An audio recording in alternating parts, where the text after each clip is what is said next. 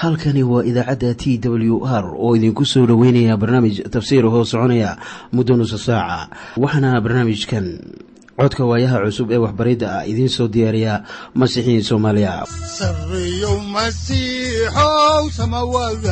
Guudow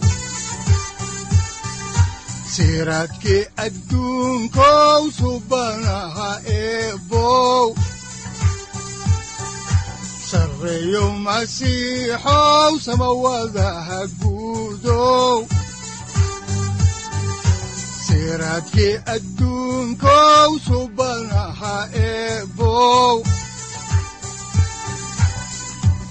samada ku soo dhowaada dhegaystayaal barnaamijkeenna dhammaantiinba. Waxaannu horay u sii ambaqaadi doonnaa daraasaadkii la magac baxay baibalka dhammaantii. Waxaannu caawa idiin bilaabi doonnaa cutubka sagaal iyo tobanaad ee injiilka sida luukas uu qoray ah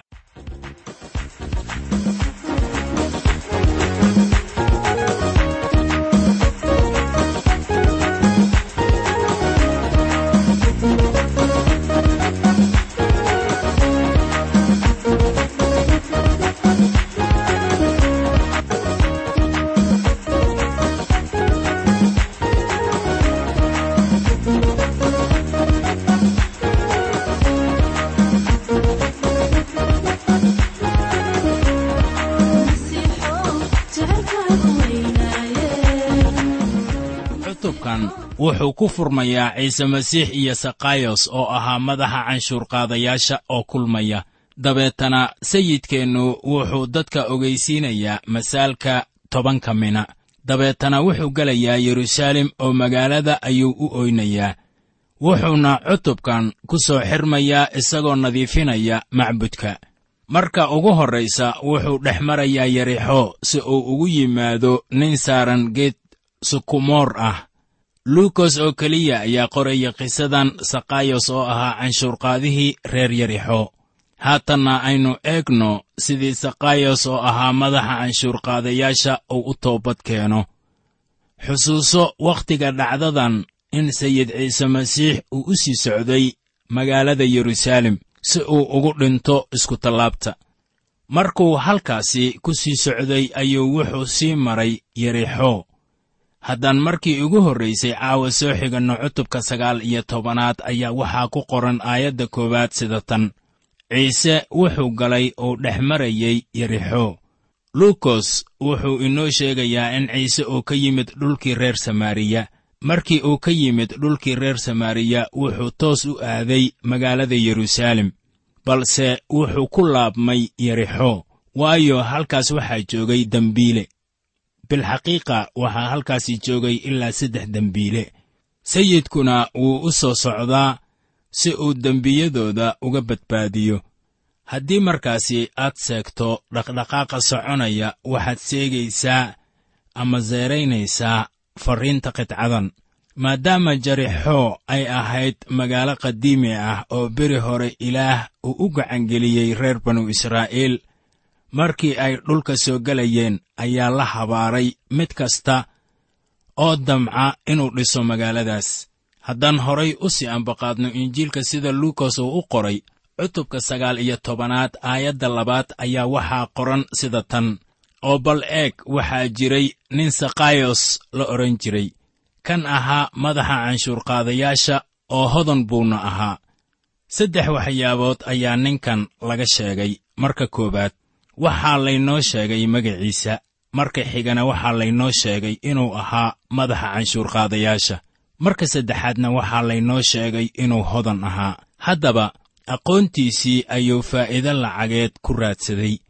Mana ahayn nin howlaha laba qalbi ku sameeya. Haddii uu arko haweenay carmal ah oo aan lacag bixinaynin guriga ayuu ka saarayaa.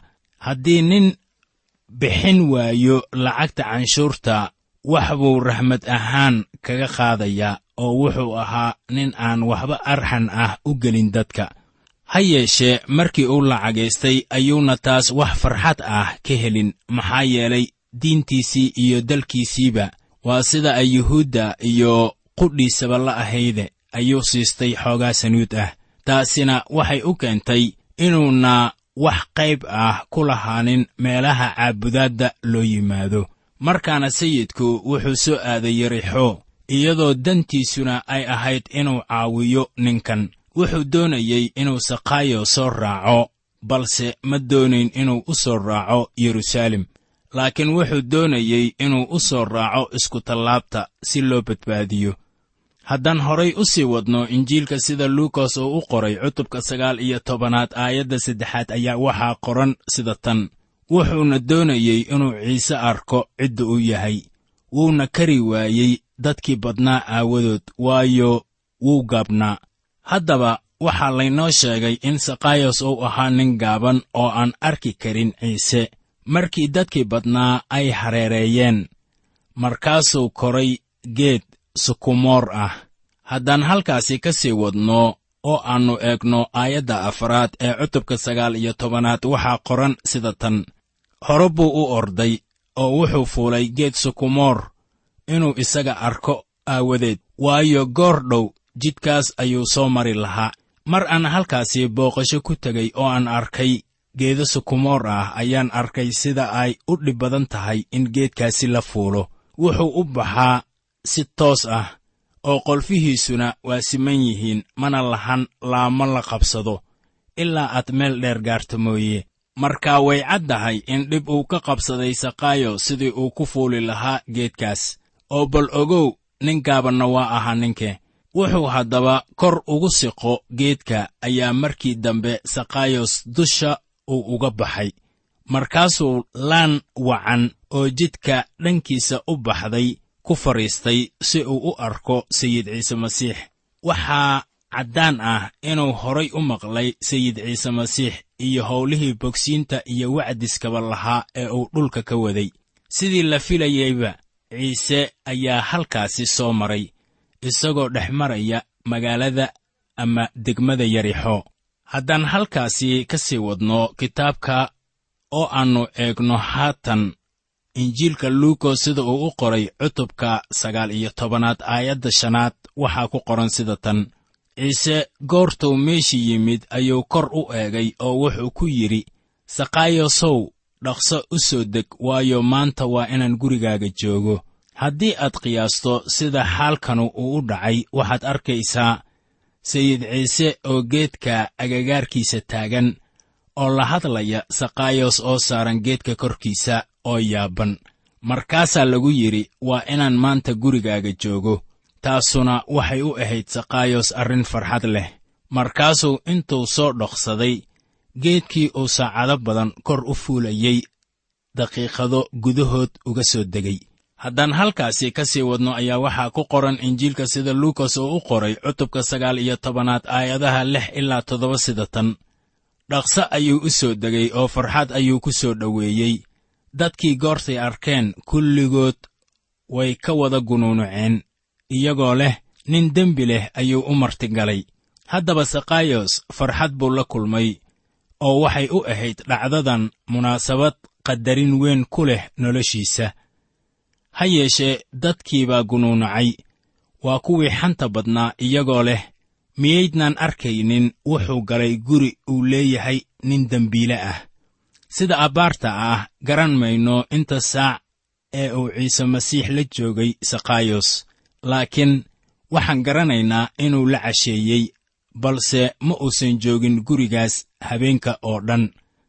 Ugu dambayntii waxaa dadka loo furay inay soo galaan.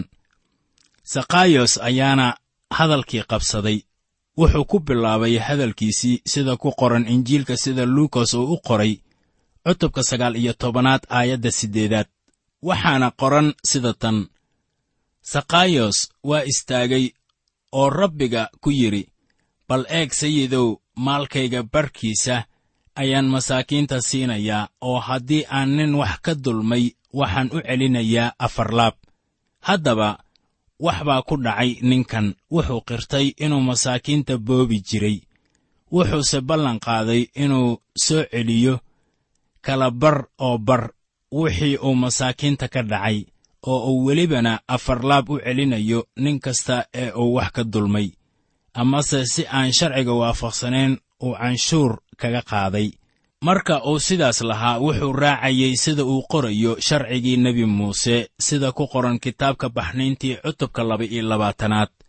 Sida hubaasha ah laynooma sheegin wixii dhex maray sakaayos iyo sayidkeenna asbaabo dhowr ah aawadood ayaan ruuxa quduuska ah innaga inoo siinin qisadii ku saabsanayd wixii dhex maray labada nin. Waxaanse garanaynaa markii sayidkeenna uu la hadlo dadka inuu laba hal kala hadli jiray. Kow wuxuu kala hadli jiray baahida dadka. Tan labaadna wuxuu kala hadli jiray awoodda ilaah ee baahidaasi lagu haqabtirayo markaana sakayos wuxuu garanayay inuu dembiilo yahay. Qof kasta ee kalena wuu garanayaa taas. Sayidku wuxuu ku yidhi waxaa jiray dawo dembigu uu leeyahay oo wuxuu ku yidhi waxaan u socdaa yeruusaalem si halkaasi iskutallaabta la ii saaro. Si markaasi sakayos aad xagga sare ugu yeelato kursiga naxariista haddaan halkaasi ka sii wadno kitaabka ayaannu eegaynaa injiilka sida luukas uu u qoray cutubka sagaal iyo tobanaad. Aayadaha sagaal ilaa toban. Waxaana qoran sida tan. Ciise wuxuu ku yidhi maanta badbaadinta ayaa gurigaaga timid. Waayo isaguna waa ina ibraahim. Waayo wiilka aadanuhu wuxuu u yimid inuu kii hallaabay doon doono uu badbaadiyo waxaad haddaba ogaataa in sakayos aannu imaanin iridda isagoo leh. Waxaan doonayaa inaan sayidka u markhaati furo oo welibana ma odhanin ciise wuu i badbaadiyey oo uu i haqabtiray waxaase uu yidhi maalkayga barkiisa ayaan masaakiinta siinayaa oo haddii aan nin wax ka dulmay waxaan u celinayaa afarlaab haddaba dadkii uu la hadlayey xaalkaasi u qaadan maayaan inuu bushimaha ku siman yahay laakiin waa mid ficil ah. Haddaanay sidaas ahayn ma aanan rumaysteen in ninkan canshuurqaadaha ah weligiiba uu hanuunay. Haddaba khibraddan uu lahaa sakayos waxaa sharaxaad ka bixiyey rasuul yacquub markuu lahaa sida ku qoran. Cutubka labaad aayadda siddeed iyo tobanaad laakiin waxaa la odhan doonaa adigu waxaad leedahay rumaysad anna waxaan leeyahay shuqullo. Itus rumaysadkaaga aan shuqullada lahayn anna rumaysadkayga shuqulladaydan kugu tusi doonaa. Markaan soo gaabiyo rumaysadka waxaa lagu sifeeyaa camallo muuqda oo ka markhaati kacaya inaad gebi ahaanba toobad keentay. Haddaba ciise masiix wuxuu haatan marayaa magaaladiinna iyo tuulooyinkiinna. Marka haddii uu garaacay laabtiinna miyaad u furteen?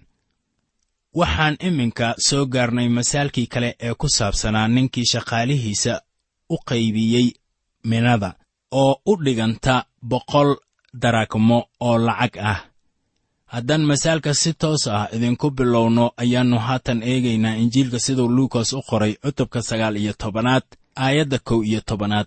Waxaana qoran sida tan. Goortay waxaas maqleen masaal buu ku daray uu ku hadlay waayo wuxuu ku dhowaa yeruusaalem. Waxayna u maleeyeen boqortooyada ilaah inay markiiba soo muuqan doonto. Haddaba ciise haatan wuxuu u soo dhowaanayaa yeruusaalem oo qaar badan oo ah kuwii raacsanaa iyo rasuulladiiba waxay la noqotay inuu kol dhow boqortooyadiisa dunida ka taagi doono. Laakiin wuxuu yeruusaalem ugu socday inuu dhinto. Wuxuu u muujinayaa in boqortooyada imaatinkeedu uu kol dambe noqonayo isagoo masaalkii u sii fasiraya ayuu leeyahay sida ku qoran injiilka sida luukas uu u qoray cutubka sagaal iyo tobanaad aayadaha laba iyo toban ilaa toddoba iyo toban sida tan.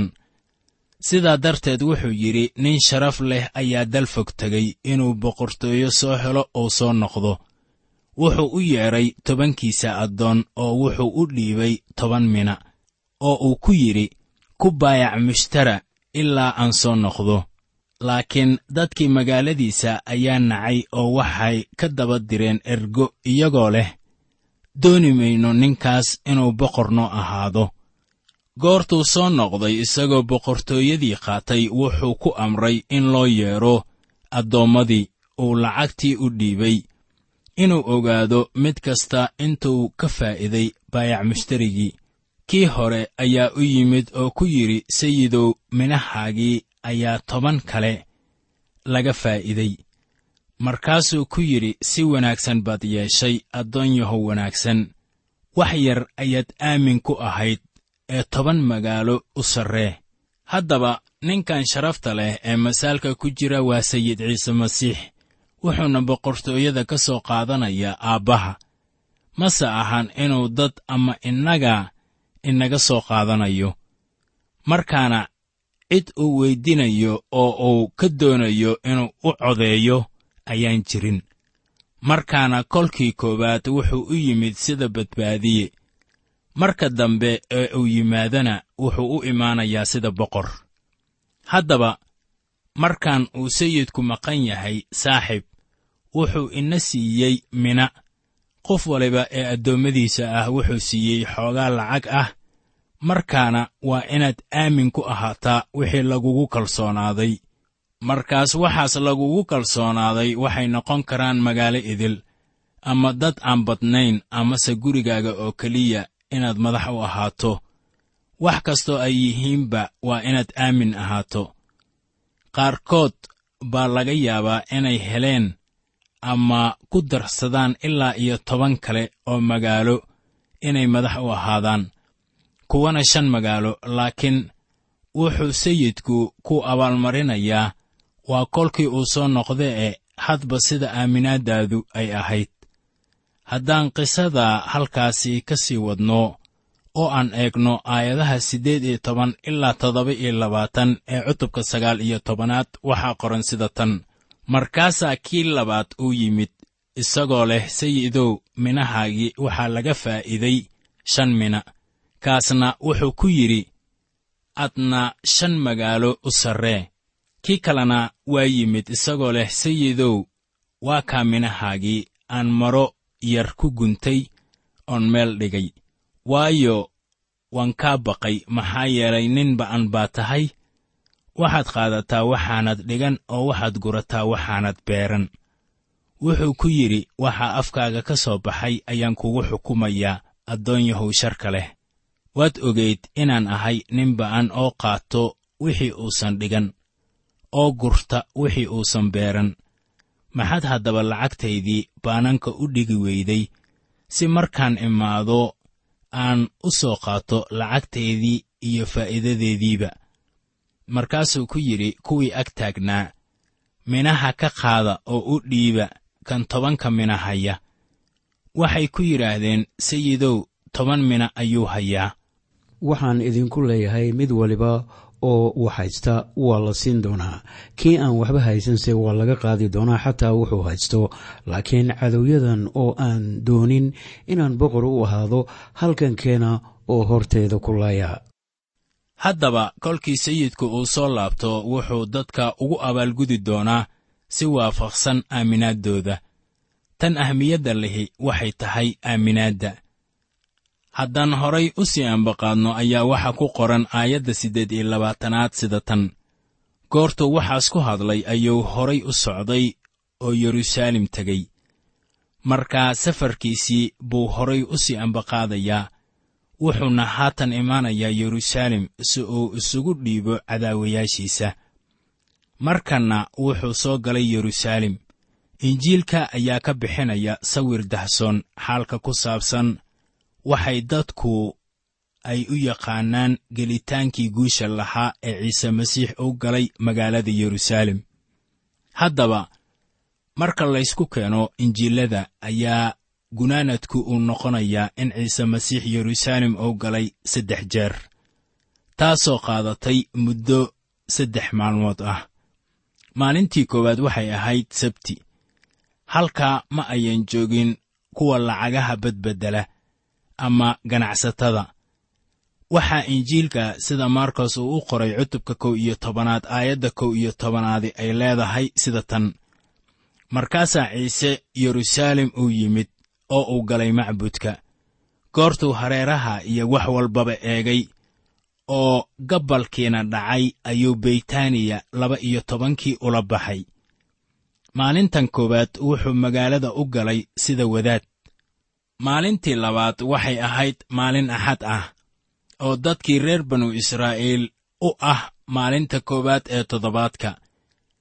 Kuwii lacagaha bedbeddelayey halkaas bay joogeen markaasuu macbudkii nadiifiyey sida ku qoran injiilka sida matayas uu u qoray cutubka kow iyo labaatanaad aayadaha laba iyo toban ilaa saddex iyo toban. Wuxuu magaalada u galay sida boqor maalintii saddexaad waxay ahayd isniin oo ah maalinta labaad ee toddobaadka. Maalintaas wuu u ooyey yeruusaalem wuxuuna soo galay macbudka. Markaasuu dadkii wax baray oo daweeyey sida ku qoran injiilka sida luukas uu u qoray aayadaha kow iyo afartan ilaa afar iyo afartan. Wuxuu maalintaasi yeruusaalem u soo galay sida nebi haddaan halkaasi ka sii wadno injiilka aynu idin faaqidaynay oo ah kan luukos uu qoray. Ayaannu eegaynaa cutubka sagaal iyo tobanaad aayadaha sagaal iyo labaatan ilaa afar iyo soddon. Waxaana qoran sida tan. Goortuu beytfaage iyo beytaaniya ku dhowaaday ilaa buurta buur saytuun la yidhaahdo ayuu laba xer ah diray isagoo leh tuulada idinka soo hor jeedda taga tan goortaad gashaan aad ka helaysaan qayl xidhan oo aan ninna weligii fuulin. Soo fura oo keena haddii laydin weyddiiyo oo laydinku yidhaahdo maxaad u furaysaan waxaad ku tidhaahdaan sayidkaa u baahan. Markaasay kuwii la diray tageen oo ay heleen sidii lagu yidhi kolkay qaylka furayeen ayaa kuwii lahaa ay ku yidhaahdeen maxaad qaylka u furaysaan waxay ku yidhaahdeen sayidkaa u baahan. Haddaba halkan uma muuqato sida inay tahay mucjiso laakiin waxay u muuqataa inay tahay qorshe hore loo diyaariyey. Markii la weyddiiyey xertiisa waxay ku yidhaahdeen sayidka ayaa noo soo diray qaylkan dameereed. Halkaa ayaanay ku idlaatay qisadii qaylka dameereed ee ciise masiix uu ku soo geli lahaa yeruusaalem haddaan horay idinku sii wadno kitaabka ayaannu eegaynaa cutubka sagaal iyo tobanaad aayadaha shan iyo soddon ilaa siddeed iyo soddon. Waxaana qoran sida tan. Markaasay ciise u keeneen oo dharkoodii bay qaylkii dusha ka saareen oo ciise ayay fuusheen oo intuu socday dharkoodii ayay jidka ku gogleen. Goortuu ku soo dhowaanayay xataa meeshii buur saytuun laga dego. Dadkii oo dhan oo xertii ahaa ayaa bilaabay inay farxaan oo cod weyn ilaah ku ammaanaan. Waxa xoogga leh oo dhan oo ay arkeen aawadeed iyagoo leh waxaa barakadaysan boqorka rabbiga magaciisa ku imaanaya. Nabadi samada ha ka jirto ammaantuna meelaha ugu sarreeya. Haddaba dadkii badnaa ma ayan garanaynin ahmiyadda ay taasu leedahay maalmo yar dabadood ayaa kuwo badan oo dadkaasi ka mid ahi ay lahaayeen iskutallaabta ha lagu qodbo. Xitaa xertu taasi ma ayan garanin.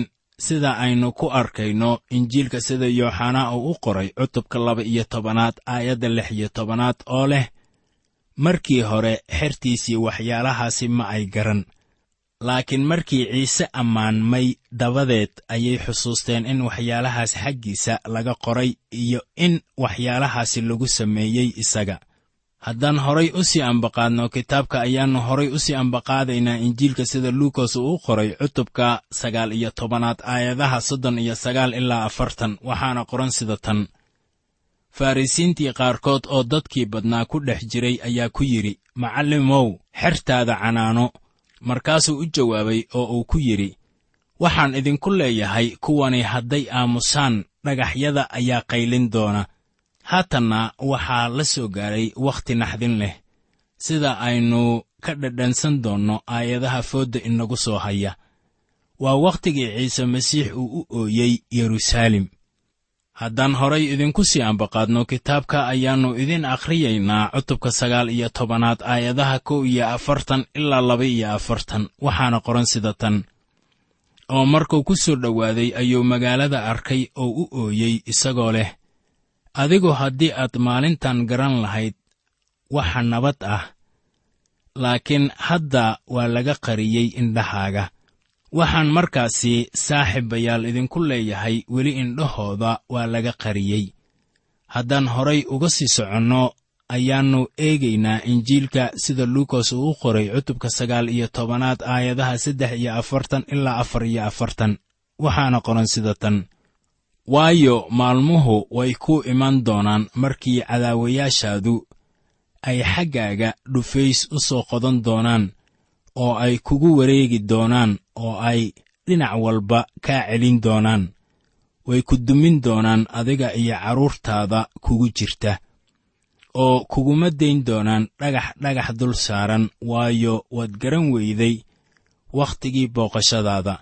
Kaamilidda waxyigan waxaa lagu qoray taariikhda markii laga soo wareegay toddobaatan sannadood dhalashadii ciise ayaa taytas oo ahaa reer rooma ayaa magaaladii yeruusaalem dhulka ku daray oo wuxuu gowracay ama si bahalnimo ah u laayey dadkii halkaasi degganaa marka waxaa cad sidaannu arkayno in waxyigaasi la kaamilay. Haatanna ciise wuxuu doonayaa iyadoo qisadu halkeedii ay ka sii soconayso inuu macbudka nadiifiyo bal muxuu ka nadiifinayaa wuxuu ka nadiifinayaa kuwa sida sharci darrada ah hortiisa ugu ganacsanaya. Waxaa ku qoran aayadaha afartan iyo shan ilaa siddeed iyo afartan ee cutubka sagaal iyo tobanaad sida tan. Wuxuu galay macbudka oo uu bilaabay inuu ka eryo kuwii wax ku iibinayey isagoo ku leh waa qoran tahay gurigaygu wuxuu ahaan doonaa guriga tukashada.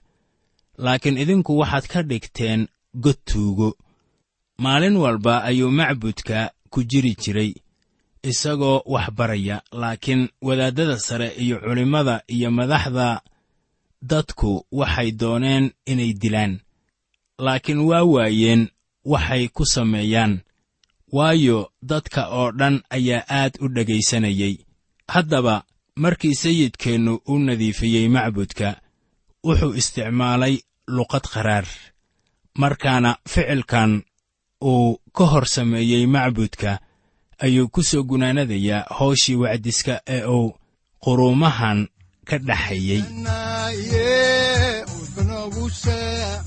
halkani waa t w r idaacadda t w r oo idinku leh ilaa ha idin barakeeyo oo ha idinku anfaco wixii aad caawi ka maqasheen barnaamijka. Waxaa barnaamijkan oo kalaa aad ka maqli doontaan habeen dambe.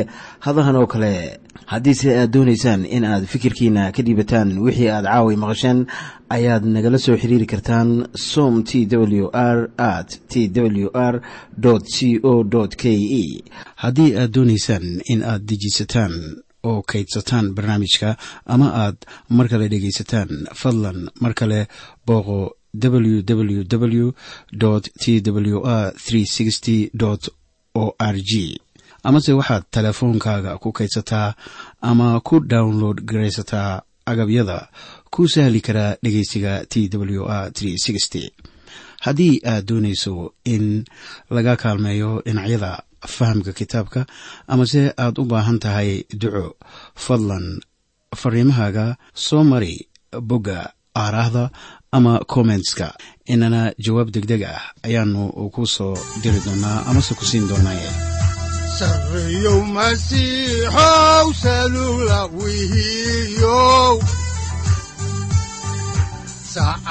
timid dhulka sabada ku dhalatiyo